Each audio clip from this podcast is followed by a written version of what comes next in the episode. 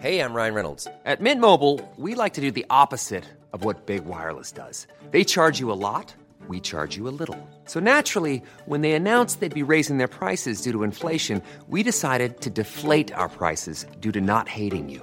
That's right. We're cutting the price of Mint Unlimited from $30 a month to just $15 a month. Give it a try at mintmobile.com slash switch. $45 upfront for three months plus taxes and fees. Promo rate for new customers for limited time. Unlimited more than 40 gigabytes per month. Slows. Full terms at mintmobile.com.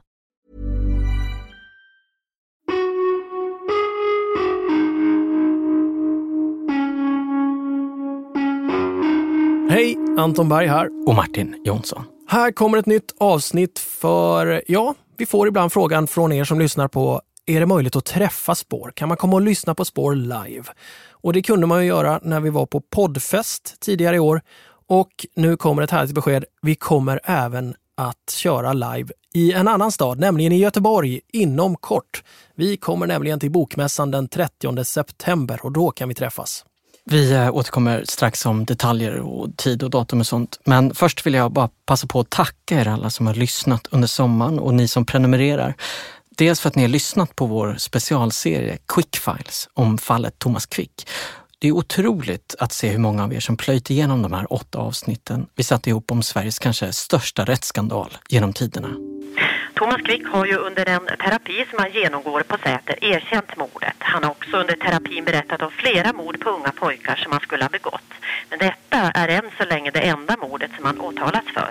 Däremot så kan dagens dom innebära att det blir fler rättegångar mot Quick.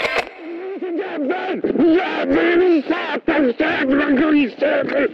Din satans jävla grisjävel! Jag skulle ju själv vilja veta, vad hände den 7 november på morgonen och var är Johan? Det skulle jag vilja veta. Tror du att du kommer få svar på det? Nej, jag tror inte det. Har inte lyssnat än så passa på att bli prenumerant på Spår och på Third Ear Studio och så, så söker ni efter Quickfiles i vårt flöde. Det är faktiskt, när vi sysslade med det här så tyckte vi att fastän vi kan ju den här historien. Men ändå så satt vi och häpnade när vi gick tillbaka och lyssnade på allt som har sagts i den här soppan, kan man nästan kalla det. Den här hunden den, den markerar på väldigt många ställen. Bara för människa. Den markerar inte, Ja, nej, nej. Den markerar inte eh, så, så som den gör när den markerar för människa när den hittar djur, till exempel djurspillning eller, eller rester efter djur. Så markerar den den, här- den markerar på ett helt Du, annat sätt. Så är det Ja. och det vet Så vi är mycket det då väl. inte. Nej, Det- så är de det. det. Men vi eh, har ju inte bara gjort spår, Anton. Nej, stort tack till er som har lyssnat också och hört av er framförallt kring serien om Thomas Fleetwood som, som jag gjorde. Det är en dokumentärserie i systerpodden Skuggland där jag eh, grottade ner mig i ett märkligt människoöde som verkligen har fastnat hos er också. Det märker man på hur ni har hört av er om den här serien. Det handlar alltså om Thomas Fleetwood som ägde ett hotell eh, för ja, mellan 2004 och 2013 i Bad Gastein och där fastnar han när hotellet är tomt i sin egen hiss. I fyra dygn.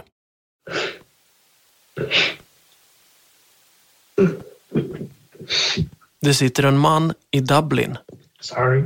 och gråter. I'm just so, so fucking upset and, you know. En advokat i Lissabon entrevista? har glömt hur man pratar engelska. Uh, it's hard if you can't speak English. No. No? No. En före detta ambassadör Nej, men alltså det är mycket konspirationsteorier här. Jag kan säga att jag har eh, helt rent samvete. tycker inte om det hon får höra. Jag har eh, inte gett Miranda några som helst eh, order eller sagt till vad han ska göra. Det har jag ingen befogenhet till helt enkelt. Så enkelt är det. En ledamot i Kungliga Vetenskapsakademin Det, det, är alltså, det, är en- är tveksam. jag, jag vet inte, jag tycker det låter lite äventyrligt. Ja, det är det. Ja, Och i Nice funderar en pensionerad försäljningschef Alltså man tänker ju så här att på vad han kunnat göra annorlunda. skulle man ha gjort mer så att eh, det hade varit ett stort åtagande. Och då kan man ju, då kan man ju kämpa med sig själv. Här skulle jag ha tagit det åtagandet? Skulle jag ha gjort det? Eh, Eller gjorde jag fel som inte gjorde det? Vad var det liksom moraliskt riktiga? Liksom? Det är knepigt.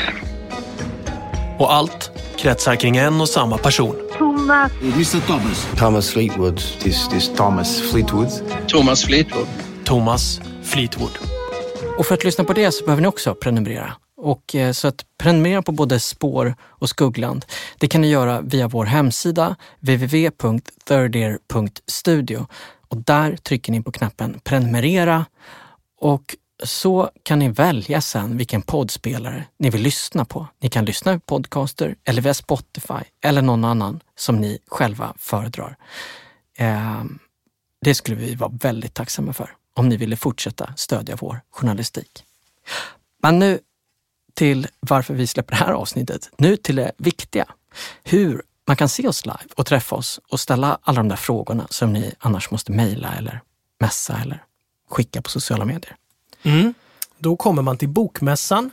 Vi kommer att vara där på lördagen. Det handlar alltså om den 30 september. Lördag klockan fem till ja, sen 45 minuter är vi på scen där. Eh, man tar sig då till ljudscenen. Den heter Ljudscen Hörnan och man måste lösa biljett till Bokmässan men bara, det räcker med entrébiljett så det är inte svindyrt. Men då kan ni å andra sidan gå på massa andra poddar hela den dagen också. Eh, extra kul för oss är dels kommer ni få träffa Kaj lite kort. Ja, men om du... Okej, okay, det finns inget känsligt i ditt liv. Bra, då ska vi prata om det känsligaste som finns. Pengar. Nej, det är inget känsligt alltså. Du fick 18 mille, rekordstort eh, skadestånd av staten. Eh, hur mycket är kvar?